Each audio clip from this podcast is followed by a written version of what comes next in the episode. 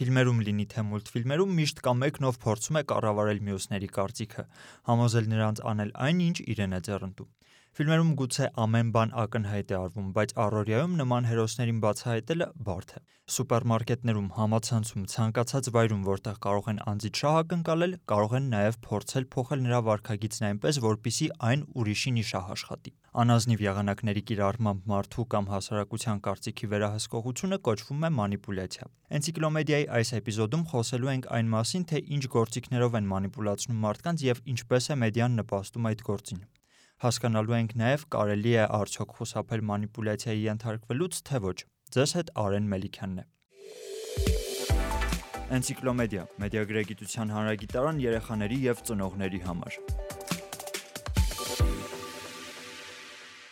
Մանիպուլյացիան առաջին հերթին մարդու վարքագիծը կայացրած որոշումները փոխելու նպատակով կիրառվող հոգեբանական հնարք է։ Ցանկացած տարիքում եւ միջավայրում մենք վտանգված ենք ազդվելու որևէ մեկի կողմից իրականացվող մանիպուլյացիայից։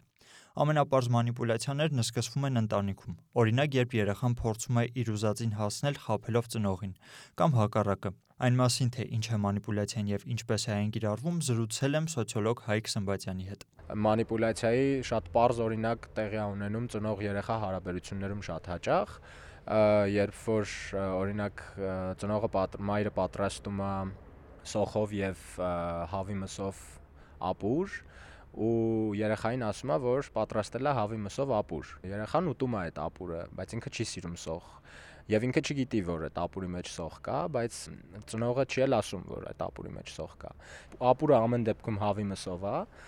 բայց չասելով որ ապուրի մեջ կա նաև սոխ, ինքը ըստ էության մանիպուլացնում է իր երեխայի վարքը։ Մանիպուլացնում են ոչ միայն ծնողները երեխային կամ երեխաները ծնողին։ Միջանձնային հարաբերություններից ավելի բարդ մանիպուլյացիան ի հայտ է գալիս քաղաքական, քաղաքացիական, առևտրային եւ այլ հարաբերություններում։ Ապուրի մեջ սոխին փոխարինում են ճշմարտությանը չհամապատասխանող տեղեկությունները, կեղծ լուրերը։ Մանիպուլյացիա ասելով ես հասկանում եմ ինֆորմացիայի եւ այդ լսարանի, թիրախային լսարանի միջև տեղի ունեցող գործընթաց, որում ինֆորմացիա ուղարկողը տվյալ ինֆորմացիան կամ տվյալ մեսիջը այնպիսի ձևակերպմամբ է մատուցում կամ այնպիսի իմաստով է մատուցում, որպեսզի լսարանի մոտ առաջանա կոնկրետ տիպի տպավորություն Այսինքն ըստ էության մանիպուլյացիան դա տպավորությունների կառավարում է։ Կեղծիքի միջոցով հասարակական կարծիքի կառավարումը տարբեր նպատակներ կարող է հետապնդել, սկսած նեղ անձնական շահերից մինչև տնտեսական կամ քաղաքական շահեր։ Վերջին երկուսը տնտեսականն ու քաղաքականը ամենից հաճախն են մանիպուլյացիայի առիթ դառնում։ Տնտեսական վարկը մանիպուլացնել ասելով մենք հասկանում ենք մարդկանց համոզել գնել մի բան, որը իրենք նպատակ չունեին գնելու, բայց այդ պահին իրենց թվում է, որ իրենք պետք է անպայման գնեն դա։ Տնտեսական, մասնավորապես սպառողական մանիպուլյացիայից հասարակությունն ազդվում է անընդհատ։ Ամենօրյա կենցաղում տնտեսական մանիպուլյացիայի ամենապարզ օրինակներից մեկը, որին մենք parberabar անգիտակցաբար ենթարկվում ենք, սուպերմարկետներում ապրանքների դասավորությունն է։ Մարքեթինգը եւս մանիպուլյացիայի էլեմենտներ ներառում է, օրինակ սուպերմարկետներում հացը կամ ձուն, որը շատ ավելի հաճախ են մարդիկ գնում ու ավելի ամենօրյա օգտագործման մթերքներ են, տեղադրված են սովորաբար սուպերմարկետների ամենախորքային հատվածներում, որովհետեւ այդ ընթացքում հաճախորդը անցնի հնարավորինս շատ այդ սուպերմարկետի բաժիններով ու գուցե մեծ հավանականությամբ նաև ուրիշ բան հիշի, որ պետք է առներ, չնայած դրա համար չէր մտել սուպերմարկետ կամ նույն գանձապահի մոտ, երբ որ շատ ցածր հատվածում տեղադրված են լինում ինչ որ կոնֆետներ, քաղցրավենիքներ ու ինչ որ գունավոր իրեր կամ մթերքներ, որոնք հիմնականում ուղղված են երեխաների վարքը մանիպուլացնելու համար, որովհետև մարքետոլոգները նաև շատ լավ հասկանում են, որ երեխաները այդ պահին կանգնած են լինելու հերթում ու նաև հնարավոր է որ իրենց ծնողին խնդրեն որ իրենց համար ինչ-որ շոկոլադ գնի։ Առևտրի կենտրոններում, փողոցներում եւ մեդիայում մեզ ամենուր հետապնդող գովազդներից շատերը եւս մանիպուլյացիայի օրինակներ են։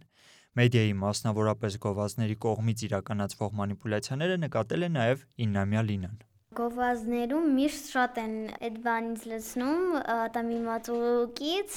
որ արդիկ մտածեն, որ տենց է պետք անել, որ հետո արագ ավարտվի այդ մաց ատամի մածուկը ու էլի բան անեն, առնեն դրանից անընդհատ։ Նույնը նաև նկատել ես, որ ծամոնի գովազներում միշտ երկու հատ են տալիս իրար։ Նորից նույն բանն է տատամի մածուկի պես է, որ նույնպես շուտ բրծենի, հետո նորից գնաս առնես կամ շամպունի բաներում լիքը լցնում են, շամպունի գովազներում լիքը լցնում են ձեռն, սենց։ Սա գովազներ աշխարհի տեսել ես շամպունիների Ուզում եմ ասեմ մեկ էլ որ ծամոնի ու ատամի մածուկի գովազներում միշտ բան դերասանները միշտ իրենց ատամները սպիտակացնում են ծամոնի գովազներում մեկ-մեկ էլ լինում է որ բան են անում կեղտոտ է լինում հետո ծամոն ծամում են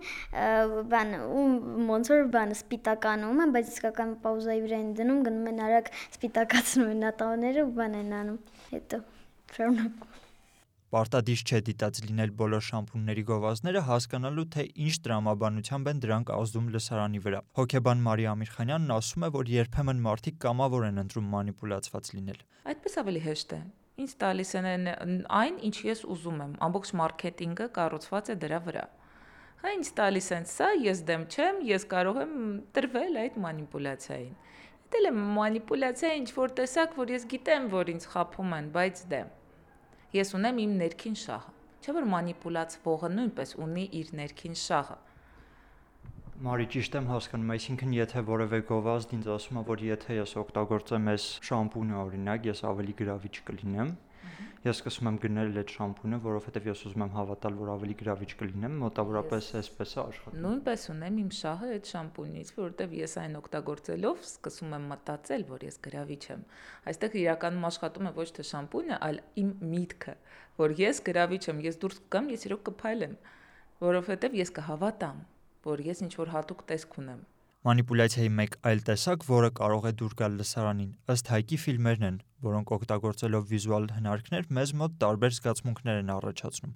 Առհասարակ, որքան գունագեղ, տպավորիչ ու ճոխ է ներկայացվում մանիպուլյացիան, այնքան ավելի մեծ է լսարանի կարծիքի վրա ազդելու հնարավորությունը։ Հնարավոր չէ ամբողջությամբ խուսափել մանիպուլյացիաներից, սակայն հնարավոր է նվազեցնել դրանց ազդեցությունը մեր կարծիքի ձևավորման վրա։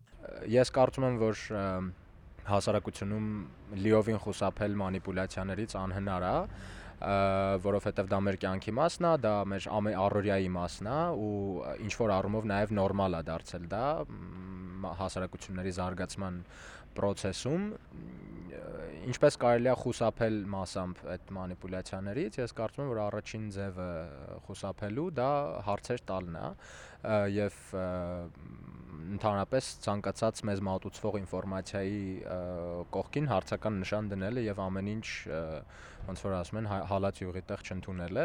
Վերադառնանք ապուրի օրինակին, որով սկսել էինք այս էպիզոդը։ Հարկ է նշել, որ երբ տեղեկատվությունը մեզ փոխանցվել է կիսատ կամ ոչ ճշգրիտ, ճիշտ հարցադրումները կարող են օգնել հասկանալ մեզ իրականությունը եւ ավելի օբյեկտիվ գնահատական տալ դրան եթե երեխան հարցնի թե ել ինչ կա այդ ապուրի մեջ բացի հավի մսից, Սա fact checking է, այսինքն փաստերի ստուգում է, որով որ երեխան փորձում է ամբողջացնել այն ինֆորմացիան, որը որ իրան տվել են։ Այսինքն երեխան չի համարում, որ հավի մսով ապուր նշանակում է միայն հավի մսով ապուր։ Դա նշանակում է, որ նաև այլ բաղադրիչներ կարող են կարող են ունենալ այդ ապուրը։ Այսինքն էլի գալիս ենք նրան, որ առաջին բանը, որ պետք է անել, դա հարց հարց տալն է Անհրաժեշտ հարցադրումների եւ տեղեկատվության գրագետ սպառման մասին խոսել էինք Էնցիկլոմեդիայի նախորդ էպիզոդում։ Այն կարող եք գտնել Media.am կայքում։ Մեզ կարող եք հետևել նաև ձեր ոդքասթ հավելվածների միջոցով, մենք նաև հանրային ռադիոյի Արևիկ մանկապատանեկանի եթերում ենք։ Էնցիկլոմեդիա ոդքասթերի շարքը պատրաստում է Մեդիա նախաձեռնությունների կենտրոնը ԱՄՆ միջազգային զարգացման գործակալության աջակցությամբ իրականացվող